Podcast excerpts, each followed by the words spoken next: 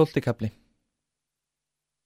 Sigurður gamli í tótu var meðal annara sem stattir voru niðri á mölinni þegar háseti hans var borin upp úr bát Ólafs Örnálssonar og inn í búð hans.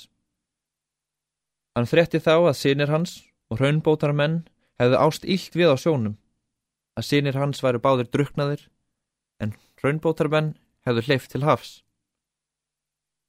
Að slíkri fregn fenginni gekk Sigurður þegjandi heim í tótu sína og lokaði sig þar inni.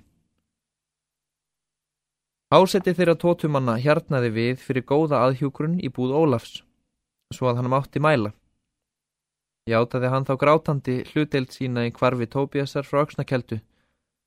Þeir hefðu skotið Sigurði yngra á land til að vinna á honum, en beðiði Sigurðar á floti fyrir fram að landsteinana. Einnig sagði hann nú frá því að hann hefði vakað síðastleina nótt og heyrt samtal þeirra feðgana er Sigurdur gamli vakti svonsinn. Nú var sendir hreppstjórans til að taka Sigurd í tótu fastan. En þegar að var komið þurfti að brjóta upp búð Sigurdar og fannst hann þar dauður í fleti sínu. Svo hafði honum orðið mikið um svona missin að hann hafði lagt hönd á sjálfan sig.